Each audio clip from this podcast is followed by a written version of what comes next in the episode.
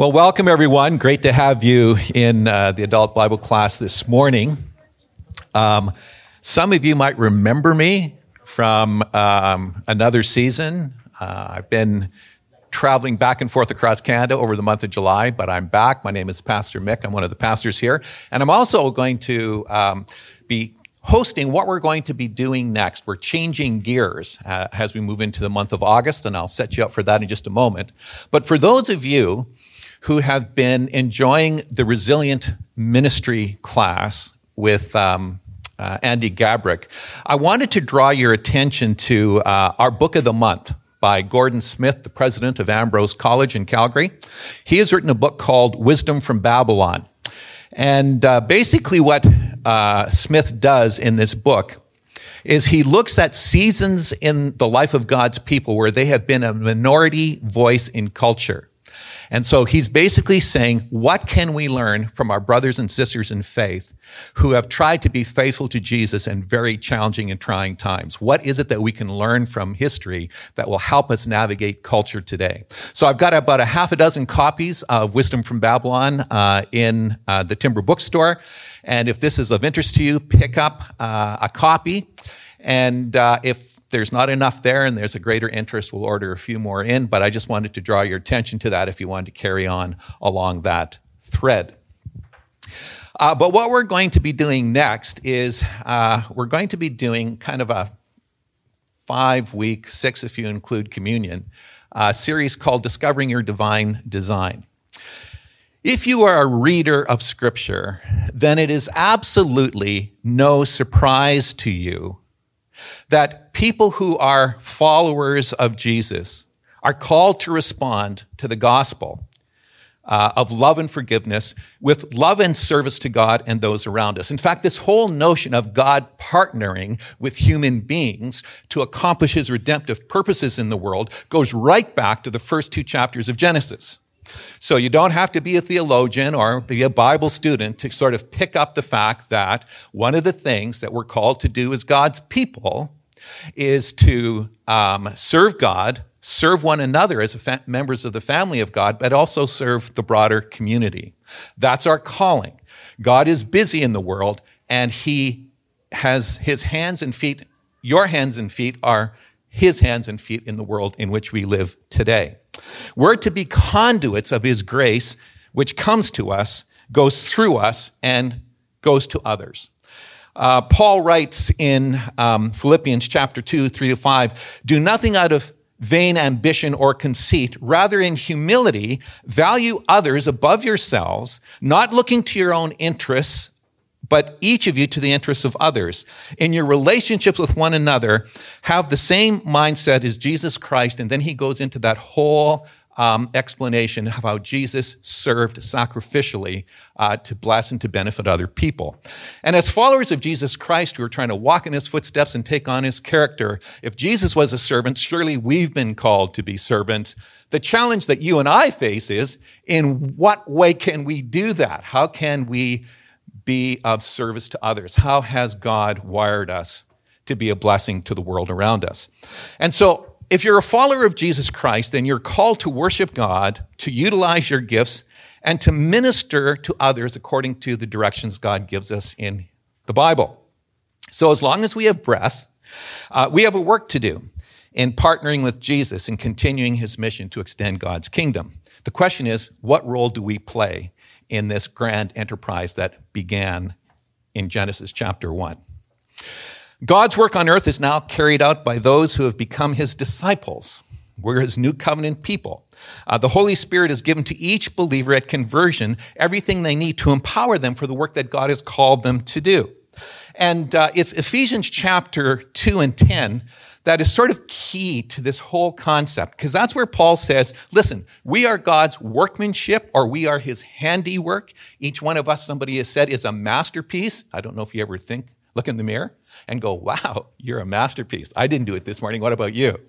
But that's what the Bible says you are if you're a follower of Jesus. For we are his workmanship, created in Christ Jesus for good works, which God prepared beforehand that we should walk in them. To me, this is just a critical verse in understanding that this is what we're called to as God's people to serve Him, to serve other brothers and sisters in Christ, and also to serve the world around us. And in this, you are not alone. Peter says his divine power has granted to us everything we need pertaining to life and godliness through the true knowledge of him who calls us by his own glory and excellence. So, whatever purpose God had in placing you on this earth, you have the capacity in Christ through his Spirit to fulfill that task. He has given you everything you need to serve him effectively. And here are some of the gifts he's given you. He has given you his written word, which we'll be leaning on throughout this course um, that reveals his will for us, both collectively as a group, but it also gives us some uh, hints and directions personally as to how we can serve God best.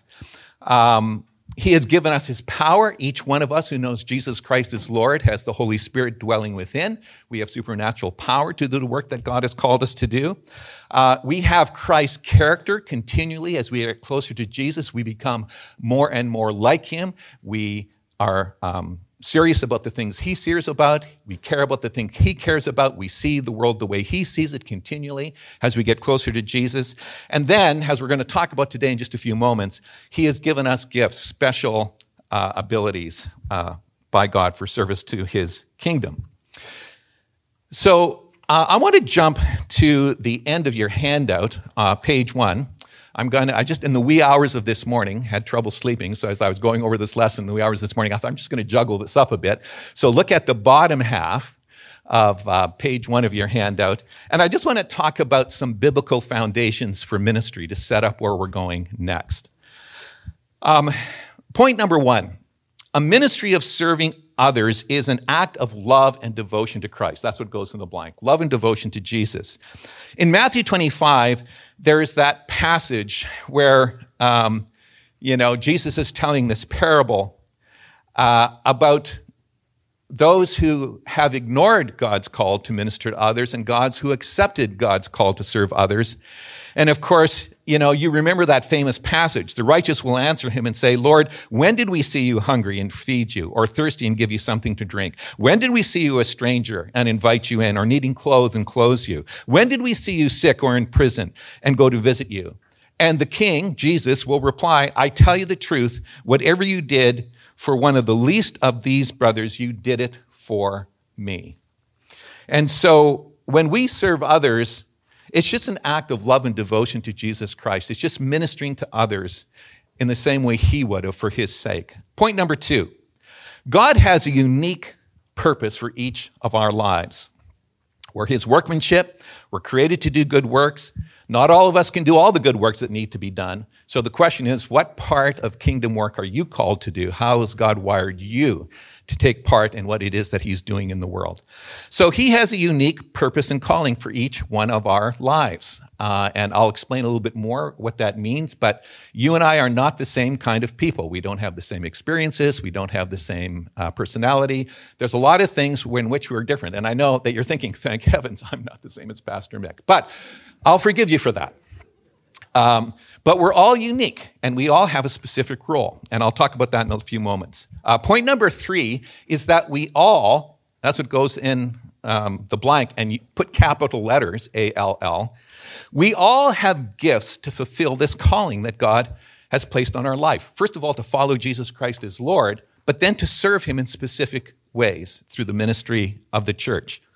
And so Peter says that we should use whatever gift God has given us to serve others, faithfully administering God's grace in its various forms. Okay?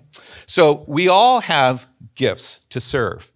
Point number four is this gifts are given to be used in community.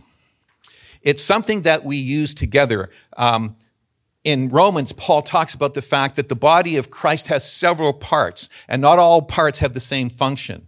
And he is talking about the church and each one of us as a part of that church. We all play different roles, some public, some private, some out in front, some behind the scenes.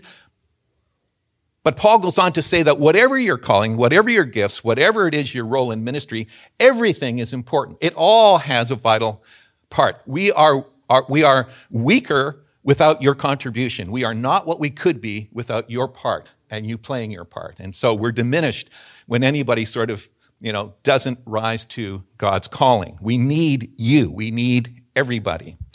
Uh, just as each one of us has one body with member members, Paul writes, and those members do not all have the same function, so in Christ, we who are many form one body, and each of us belongs to all the others. You belong to me.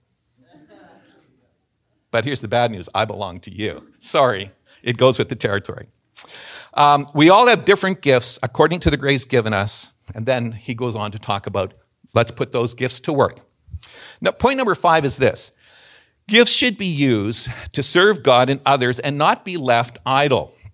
Those two parables about the talents or the pounds, um, where God, uh, where, where the, the notion is that the king entrusts to his servants uh, certain things to be stewarded.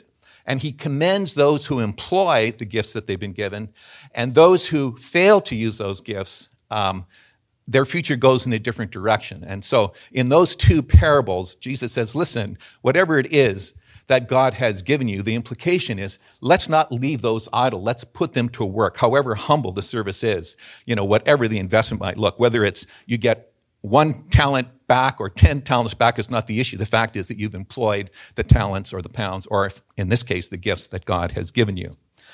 Um, and then uh, point number six is the role of leaders in a church community is to equip others to use their gifts so that the whole church can grow, so that everybody can grow.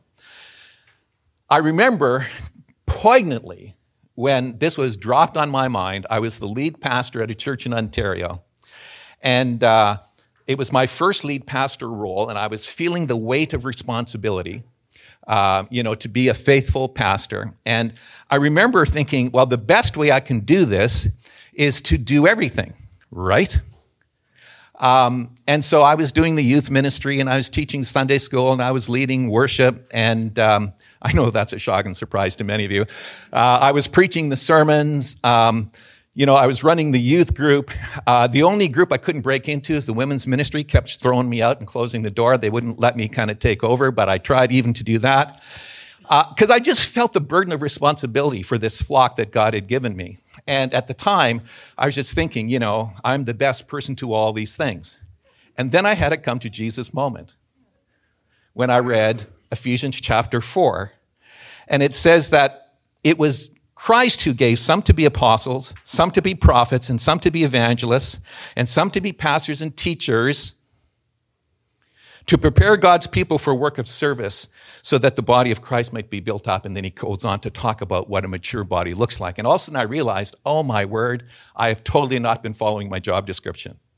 I am monopolizing ministry rather than multiplying it. I am preventing people from doing what God has called them to do. I'm getting in the way of what God wants to do in the life of the people who are part of my congregation. I'm actually a part of the problem, not a part of the solution. And so at that particular point, I just changed my entire mindset and started inviting more people into ministry.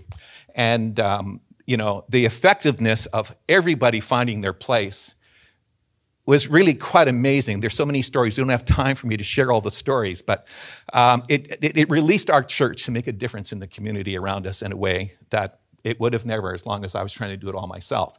So I realize now that my job is to equip you to do what it is that God has called you to do.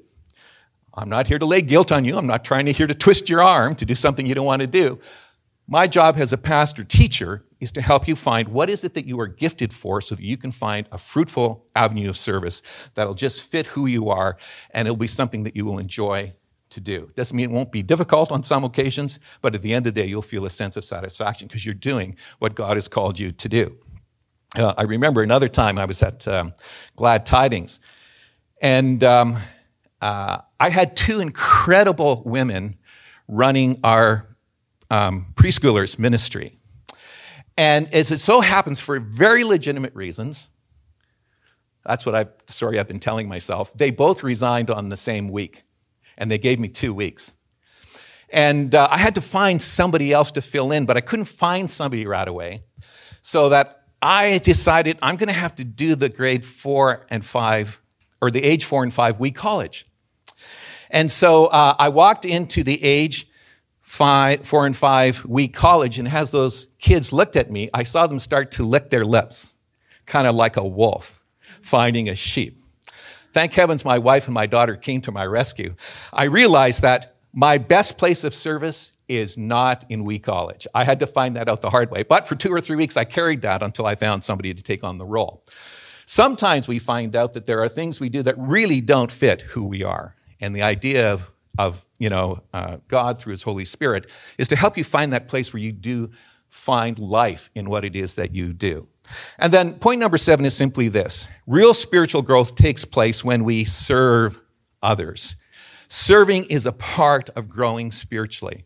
Sometimes people will tell me, you know, I'm stuck, I'm not growing spiritually, and we'll talk about prayer and we'll talk about reading the scriptures, and I'll ask them, what are they doing to serve others? And they're saying, well, I need to be serving others. I'm thinking, well, how in the world are you going to grow spiritually if you're not, you know, in the laboratory of Christ's community using these gifts and finding out how you can best serve? Serving is part of the way we grow spiritually. So, ministry is first and foremost about helping individuals mature spiritually through the use of their God given gifts to serve each other and the community so that the whole church can achieve the maturity that God intended. And when that happens, it is beautiful. The body of Christ thrives and God is seen present and is glorified in our midst. So, um, So let me set up where we're going in this course for the next few weeks. Uh, we will be talking about some information from the scriptures, but this invitation to join with me for this series is not an invitation to gather information. It is an opportunity to invite you into a process of exploration. Um, I just started my 68th year of the planet in July. Thank you. Thank you.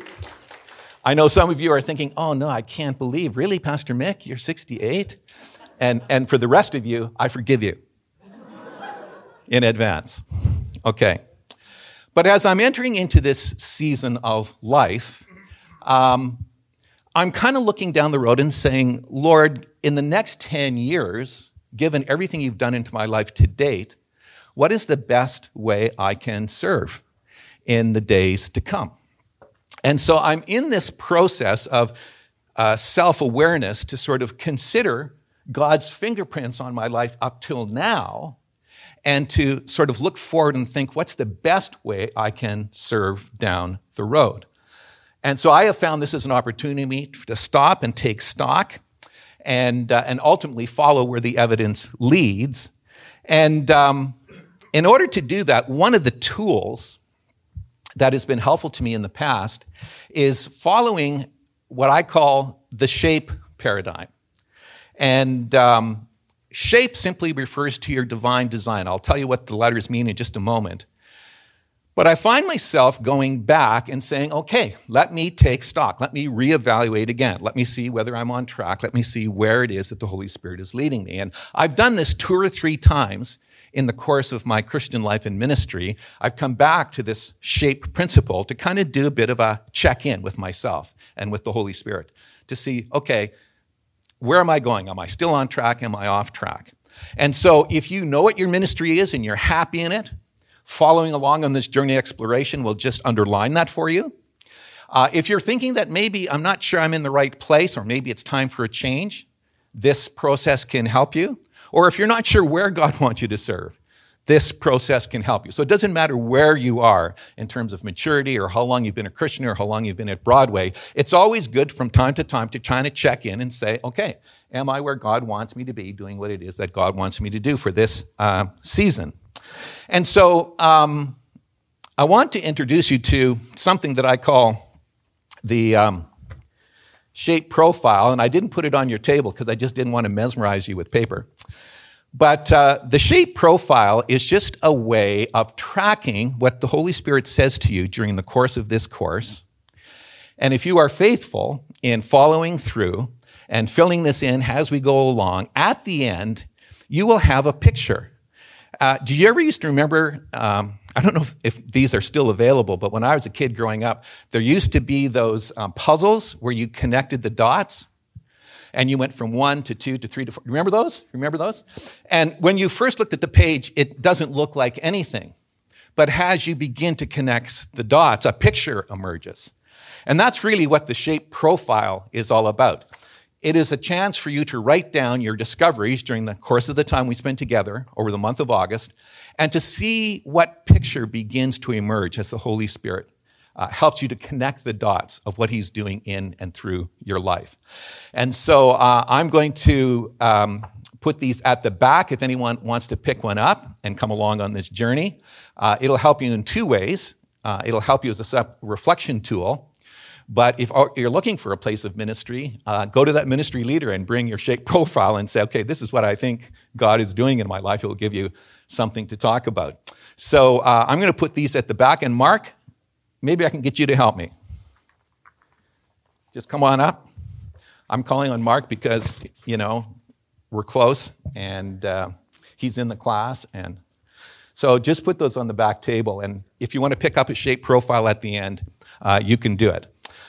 So let me just talk about the shape profile. What does that mean? Well, basically, what God is doing in your life is an integration of several different aspects of your life. Uh, the first thing is spiritual gifts. What has God gifted you to do? And I'm going to talk about spiritual gifts uh, for the balance of this session, uh, just to kind of get you started. But as Paul says in 1 Corinthians 7 7, each man has his own gift from God. This one has uh, this gift, and another has that gift. Um, so the reality is, whoever you are, you have a gift that God wants you to use in ministry. I'll get back to that. H stands for heart. What is it that you love to do? What is it that is your passion? What just really puts fuel in your tank when you're involved in it? Some of you, it's age four and five boys in Wee College. That's really what fills your tank. It doesn't fill my tank, but if it fills your tank, God bless you. We desperately need you. Please talk to Emily or Megan, okay? Um, the Bible uses the term heart to denote the real you, the center of your motivation, your desires, your inclinations, your values. You have a God given emotional heartbeat that pulses when you encounter activities, subjects, or circumstances that interest you and are part of what He wants to do in and of your life. And your heart determines why you say the things you do and why you feel about things the way you do and why you act the way you do. What are you passionate about? What things are life giving for you? What are joyful things for you? One of the challenges I found in church ministry along the way is sometimes when we're desperate for volunteers in an area, we end up putting people who really aren't gifted or called or excited about a ministry to do certain jobs. And as a result, they don't usually last very long in those ministries. Their passion doesn't lie there. And so if I'm going to equip people to do work of ministry, I need to understand something about what really jazzes them, what really gets them excited. You know, what is it? Where can they best, what, what are they so passionate about they're prepared to make the sacrifices necessary uh, to carry that area of ministry? The A in shape stands for abilities. All of us have natural talents and skills. And when I'm talking about abilities, I'm talking about things that you were born with or you acquired along the way. When I'm talking about spiritual gifts, as I'll say in a moment, we're talking about stuff that God bestows, but you also have talents and abilities uh, that are unique to who you are. And so uh, people are not born with skills, those are things that we achieve along the way. And we primarily learn those in classrooms or by apprenticeship. And uh, there are certain things you do well. Who here are great at, at uh, DYI?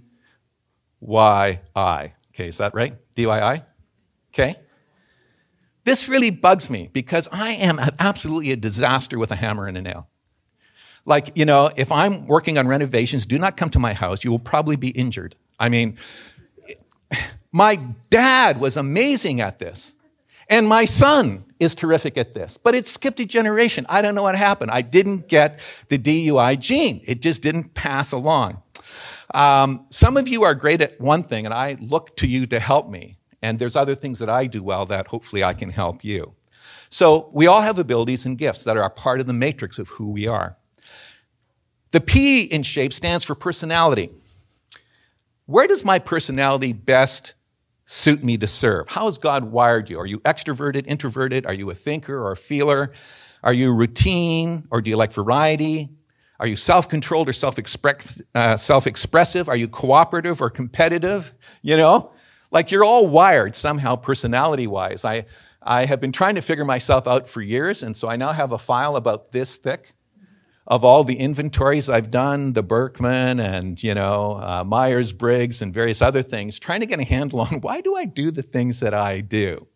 And getting a handle on just exactly how I'm wired and am I in the place where I can best use um, the gifts and the personality that I have. And then finally, we all have a set of life experiences. That's what the E in shape stands for. How do my life experiences factor into what God has been preparing me to do? What spiritual experiences have I had in the past? What painful experiences have I had in the past? What educational experiences have I had in the past? What ministry experience have you had in the past? And you can probably add two or three more questions there. But as you trace God's hand on your life and how your circumstances have impacted you, what do you see there that kind of gives you a hint on what God is doing in your life? And so the integration and the coordination of these five dimensions of your life gives us some indication of what God is doing in our life and how He wants to use us in ministry. And we need to take them all together. One of them may point you in a direction, but it's all of them together that gives us a really clear picture. So your ministry will be most fruitful and fulfilling when you're using your gifts and abilities in the area of your passion in a way that expresses your personality and your experience. So um, what we're going to be doing in this class is roughly based on Erik Rees's book called Shape, uh, where he kind of unfolds this. And each week there'll be kind of an exercise, if you're up for it, that'll help you to reflect on what we talked about in the class. And as you do the exercises, you'll find certain clues that you want to put on your spiritual uh, gifts uh, profile um, that will kind of help you begin to develop a sense of you know, what is God doing in your life? So we're just trying to be reflective, just evaluate where we are. Um, there's still a couple of these books left. Some of you have bought several of these already. But if you want to read and follow along, please feel free to pick one of these up. Uh, another book that I've been um, leaning on for this course is by Bruce Bugbee called What You Do Best, uh, kind of applying the same sort of subject in a slightly different way. Uh, you can get this from Amazon or whatever. But one of the best books I've ever read Unfortunately, I didn't read it till I was 59 years old. Uh, is a book by Gordon T. Smith called Courage and Calling. I recommend this to you, wherever you are in your spiritual walk.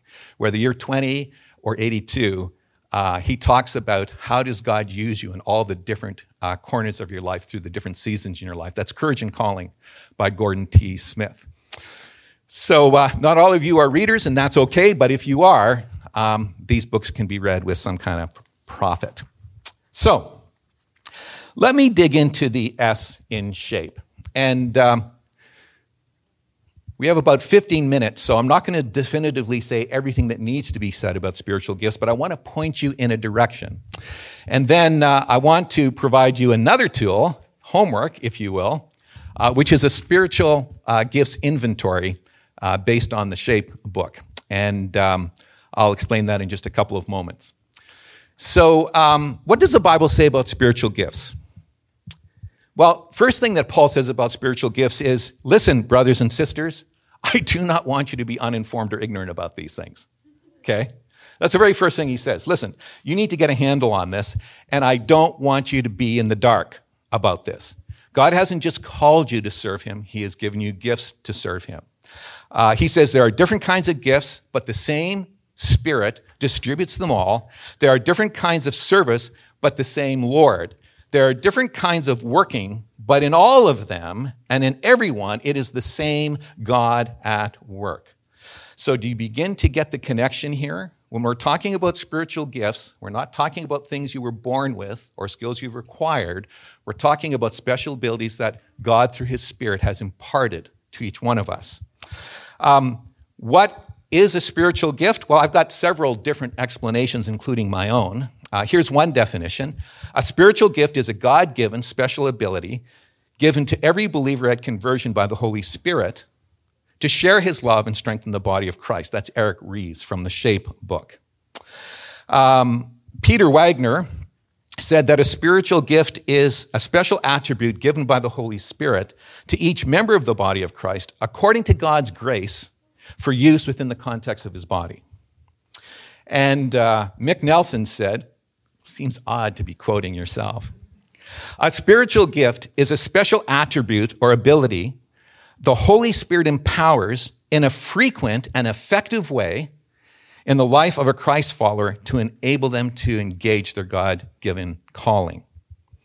Now, the gifts of the Spirit are available to every believer, and we're accountable to use them in a way that glorifies God. One day we'll all give an account, according to the scriptures, of what we did with this life. And as Pastor Darren has mentioned on occasion, there are rewards for those who have been faithful in stewarding this one life that God has given us.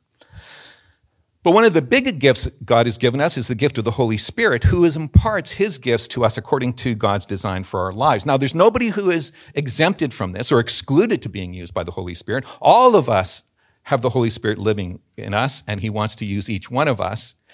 And um, some believers have a number of spiritual gifts, some just have one. Uh, but it doesn't matter as long as you are faithful in using whatever gift God has given you. Um, so, a couple of key points to keep in mind. Number one, the spiritual gifts are manifestations of the Holy Spirit. They're not merely natural talents that have been supercharged, okay? They're not sourced in human ability, but they're an expression of God's grace and action. They are supernatural abilities that have been observed and affirmed. How many of you have prayed for people for healing? Okay? A lot of us have prayed for people for healing. I have prayed people for healing. Has everybody you prayed for healing been healed? Anyone? Okay. That's been my experience too. There are some people who have been healed that I've prayed for, and there are some people who I've prayed for that haven't been healed. But there are some people who God uses frequently and very effectively to pray for people for healing with unusual results. And we would suggest to those people that they have the spiritual gift of healing. It, we can all pray for people for healing, but some people God just seems to have gifted with faith and confidence to pray with particular effectiveness for people to be healed. Okay? And uh, every church has people like that. And of course, some people you've heard about, um, evangelists and so on and so forth, sometimes have that special gift to pray for people for healing with unusual frequency and effectiveness. That's the key thing. Okay? Um, I have prayed for people for healing and they've been healed, but I don't know that I have the gift of healing or one of the gifts of healing. All right? Uh, they are supernatural abilities that have been observed and affirmed by the body. The other thing that the Bible says about spiritual gifts that is really critical is that they're for the common good of the body. The spiritual gifts God gives are neither about you uh, or for you, they're given to you to enable you to bless the body of Christ.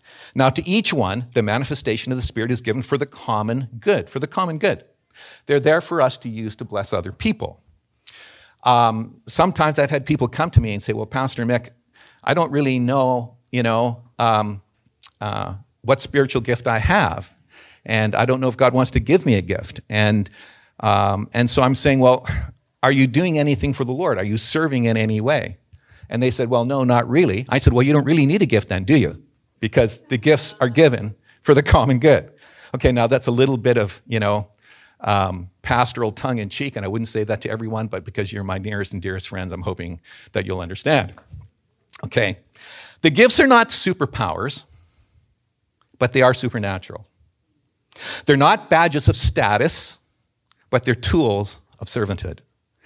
The gifts are not entitlements, they're enablements for service. They're not mine to possess, they're mine to practice. Okay? And so let me make, in our closing time, some conclusions about spiritual gifts. And, uh, and then we'll kind of tie this up together and I'll give you our exercise. Um, only followers of Jesus Christ have spiritual gifts. That's number one if you're following along on your outline. Uh, a person without the Spirit doesn't accept the things that come from the Spirit of God, but considers them foolishness and cannot understand them because they're discerned only through the Spirit. Okay? So the Holy Spirit imparts spiritual gifts to people who are followers of Jesus. They are the candidates for receiving a spiritual gift. Now, here's the one that I have a lot of discussions with people about from Corinthians 7 and 7. Each one of you has your own gift from God. Each one has a gift. One has this and another has that. And so the conclusion is that every Christian has at least one spiritual gift. Now, you astute Bible readers are saying, well, hold it, hold it, hold it, Pastor Mick. I'm not sure that Paul is talking about spiritual gifts in this passage. He's talking about marriage and singleness. Okay? And he says, you know, listen, um, if you need to get married, that's not a bad thing. But if you can remain as I am, that's also a good thing. So whether you're married, it's a good thing. If you're single, a good thing. Everyone has their gift. Some this, some that. But the general principle I'd like to extend to this whole notion of spiritual gifts. We all have, God wants to use each one of us, and so we've all got something that He has gifted us to do, whatever that might happen to be. Number three, no one receives all of the spiritual gifts. Paul is really adamant about this. He says, Now you are the body of Christ, and each of you is a part of it. And God has placed in the church, first of all, uh, apostles, and second prophets, third teachers, and then miracles, and then gifts of healing and helping and guidance and different kinds of tongues. Are all apostles? What's the answer? Okay. Are all prophets? Okay. Are all teachers? You guys are very astute Bible readers. Do all work miracles? No. Do all have gifts of healing? Well, at least I don't. Okay. Do all speak in tongues? Do all interpret? Now eagerly desire the greater gifts. And so Paul is basically saying here, listen, we all have a gift to bring to the table, but none of us has them all. That's why we need each other. Uh, no single spiritual gift, number four, is given to everyone. Okay, see above, you know, same verse that we just described. So we all have um, None of us have all the spiritual gifts, but a spiritual gift, no single gift is given to everyone, but we all have at least a gift. Okay? You clear? You following me? If not, just re- refer to your notes. Number five, you cannot earn or work for a spiritual gift. It's something that the Holy Spirit gives us. Grace has Christ apportions it. And by the way, when we talk about spiritual gifts, the biblical word that is used again and again is the word charisma or charismata. Okay? And of course, you're saying, well, I'm a Bible student. I know that charisma means grace. And you're absolutely right. That's exactly the literal meaning of um, charisma in the scriptures. But that's the word that's used to describe spiritual gifts. They are demonstrations of God's grace. Some people have called them gracelets. Spiritual gifts are gracelets, not bracelets. Okay? Gracelets. Okay? Expressions of God's grace. Um, Number six, the Holy Spirit decides what spiritual gift I get. Okay? These are the work of one Spirit, and He distributes them to each one just as He determines. Okay? Um, number seven, the gifts of the Spirit are permanent. Uh, in Romans 11 29, it says, God's gifts and his callings are irrevocable. Let me stop on this one again for you Bible students. In this passage, Paul is talking about the Israel, uh, the nation of Israel. And basically, what he's saying is listen, God is not so fickle that he has written off his people. He called this people to serve him, he gave them blessings in order to represent him in the world and to make him known. And he's basically saying God hasn't forgotten about his Old Testament people. He hasn't revoked his calling and his gifts to them. Now, in a couple of chapters here in Romans, in chapter 12, he's going to say, this is what God's new covenant people look like. And then he's going on to talk about spiritual gifts for God's new covenant people. And again, this is a principle I'm extending forward that I'm finding just sort of there in the book of Romans. In the same way that God is faithful to his Old Testament people and gave them gifts to represent him in the world, so he is faithful to his New Testament people and has given us spiritual gifts to represent him in the world. Uh, Number eight, I am to develop the spiritual gift that God gives me. Don't neglect your gift, Paul says to Timothy, which was given to you through prophecy when the body of elders laid hands on you. Uh, obviously, there was a moment, I don't know if it was in an altar call or just in a prayer meeting or a small group, that um, Timothy, as he was preparing for ministry, the elders prayed for him, and somehow in that prayer meeting, uh, it became clear that this is what Timothy was gifted to do and was going to equip him to be an effective leader. And so Paul says to him, You remember that time? Do you remember that prayer meeting? Remember, you know, when the elders prayed for you and you discovered, you know, what your gift was for ministry? Well, don't write that off, Timothy. Don't let it go. Don't let it go idle. That's going to be your calling card as you're effective, in his case, ministering in the church in Ephesus. And then uh, number one, it is a sin to waste the spiritual gifts that God has given you. Now, you know, on one sense, we talk about that figuratively, right? Okay? It's a sin to miss out on this, it's a sin to miss out on that. But there's a sense in which it is literal as well. Um, this is then how you ought to regard us as servants of Christ and as those entrusted with the mysteries God has revealed. Now it is required to those that have been given a trust that they must prove faithful. And so our responsibility is, is to use those gifts to employ them. We'll grow, the church will be blessed, and we'll feel the joy of serving God in a marvelous way when we actually find that place where we're most effective in ministry. And then finally, using my spiritual gifts glorifies God and it helps me grow. Now, let me say this. When you read through the scriptures, spiritual gifts are mentioned in several different places. And I've listed them all on this handout, which in just a couple of moments Mark is going to get and run back to the table at the back so you can pick one up on your way out. And on this spiritual gifts inventory, I have listed all the spiritual gifts that I sort of feel are pretty obvious in all of the different writings in Corinthians and Romans and in Peter. And uh, I will mention some of them in just a moment, but um, uh, there are some people who say there's only nine gifts, the one in 1 Corinthians uh, 14. There are others that says there are as many as 26 or 27 gifts. I think some of those are kind of a bit of iffy. it's a bit of a, a push. But what I've learned about as I've studied about spiritual gifts is there are spiritual gifts that are specifically mentioned, and they're called spiritual gifts. But I don't know if this is a closed set. I don't know if there isn't other things that God could be doing. But there's at least 20 on this sheet that I think we can make a pretty good biblical case that either Paul or Peter describes these as a spiritual gift. And so um, the way this particular works now, and I picked this particular style because it's really, really simple. Uh, I've described each of the spiritual gifts and in detail what it looks like when they're active and basically, as you looked at each gift of the Spirit, you sort of ask yourself, does that describe me? Do I see myself in that picture? Okay. Administration. I'm just using this as an example. The God given special ability to serve and strengthen the body of Christ to be effectively organizing resources and people in order to efficiently reach ministry goals. Okay?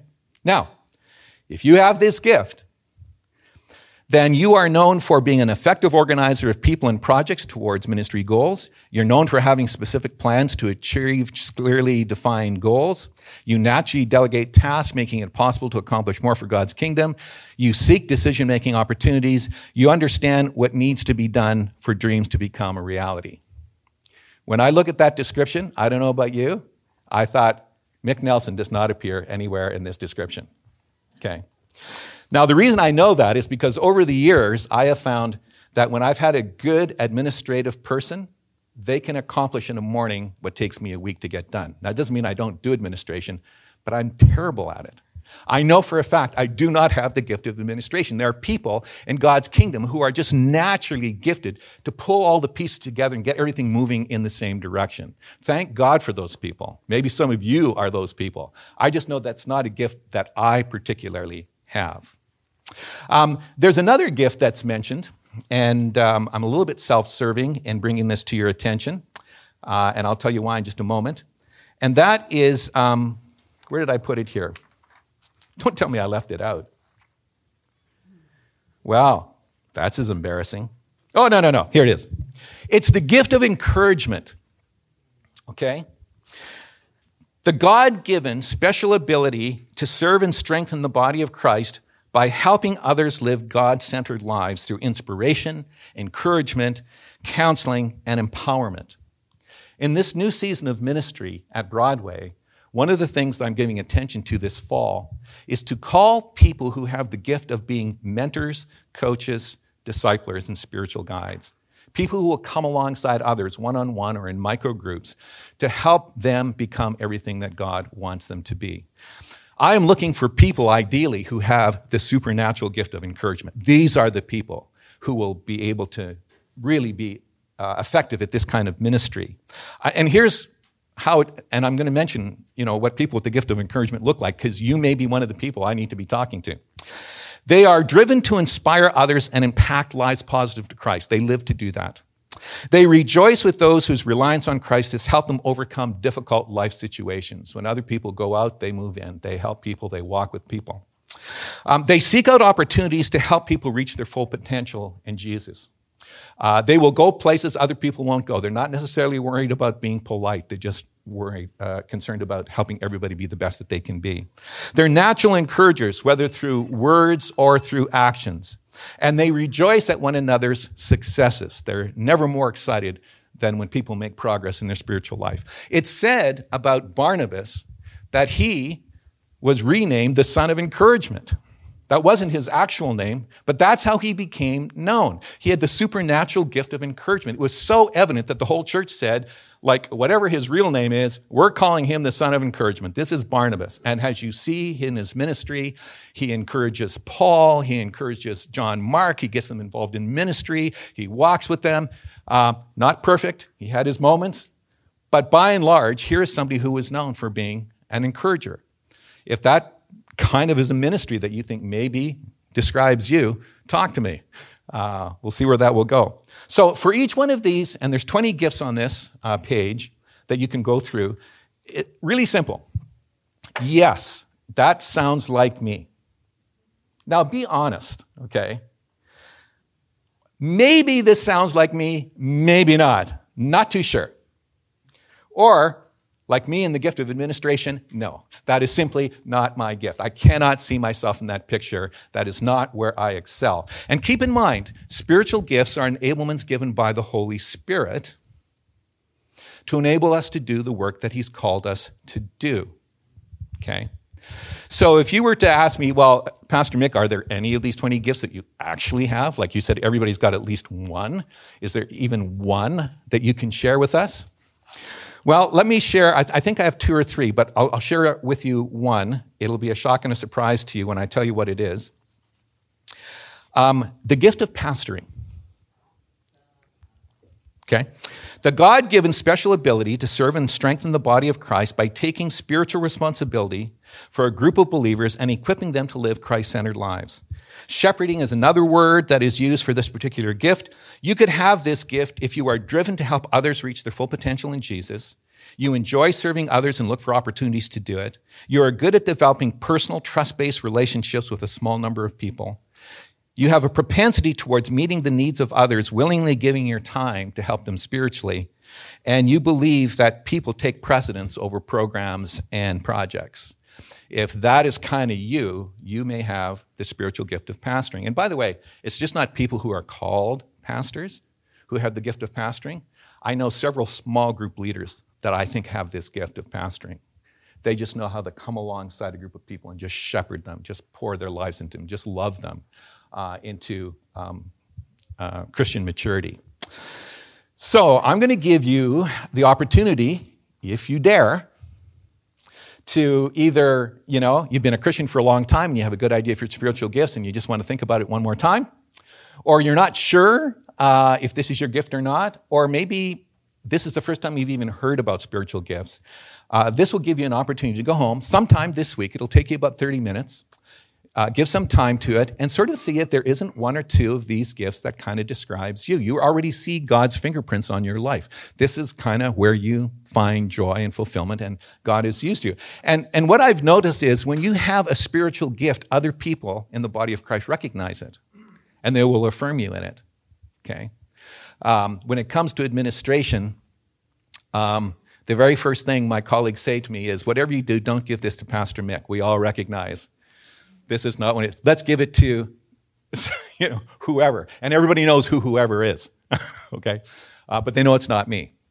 So when you have been given a spiritual gift, there will be evidence of it. There will be people who will, you know, be able to affirm that, will see that in you. Like Barnabas saw in Paul. He saw a teacher and an apostle and he drew that out of Paul and got him involved in ministry. Okay.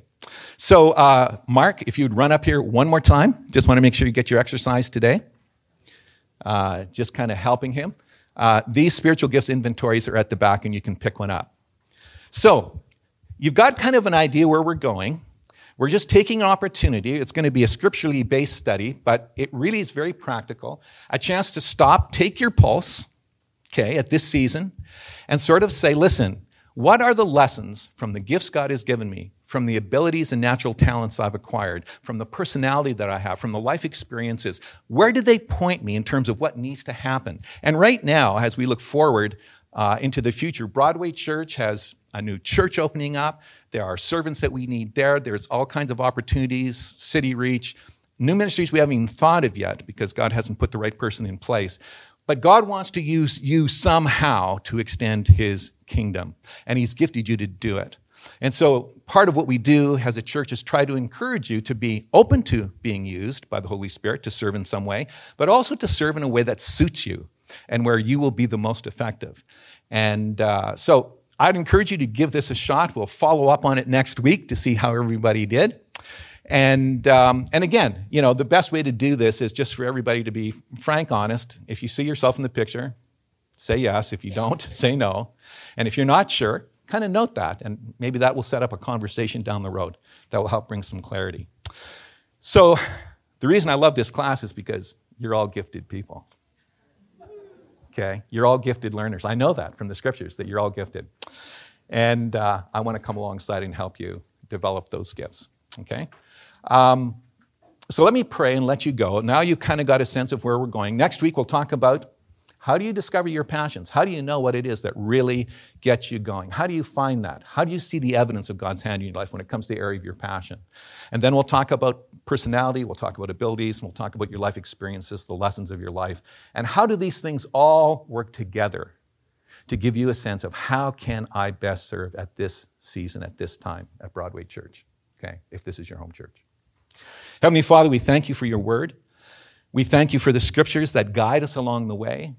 Lord, we're excited about what you're doing in our lives and through the ministry of our church, and yet we know that until you come back again, we have still work to do here in the lower mainland. And so, Lord, all of us are needed to play a part in the effective functioning of your body. And so I pray for everyone in this room that you would help us to find our unique contribution and to step out and actually take up that ministry and uh, find your blessing in it and be able to bless others through it. Lord, I ask it for myself and my friends. In Jesus' name I pray. Amen.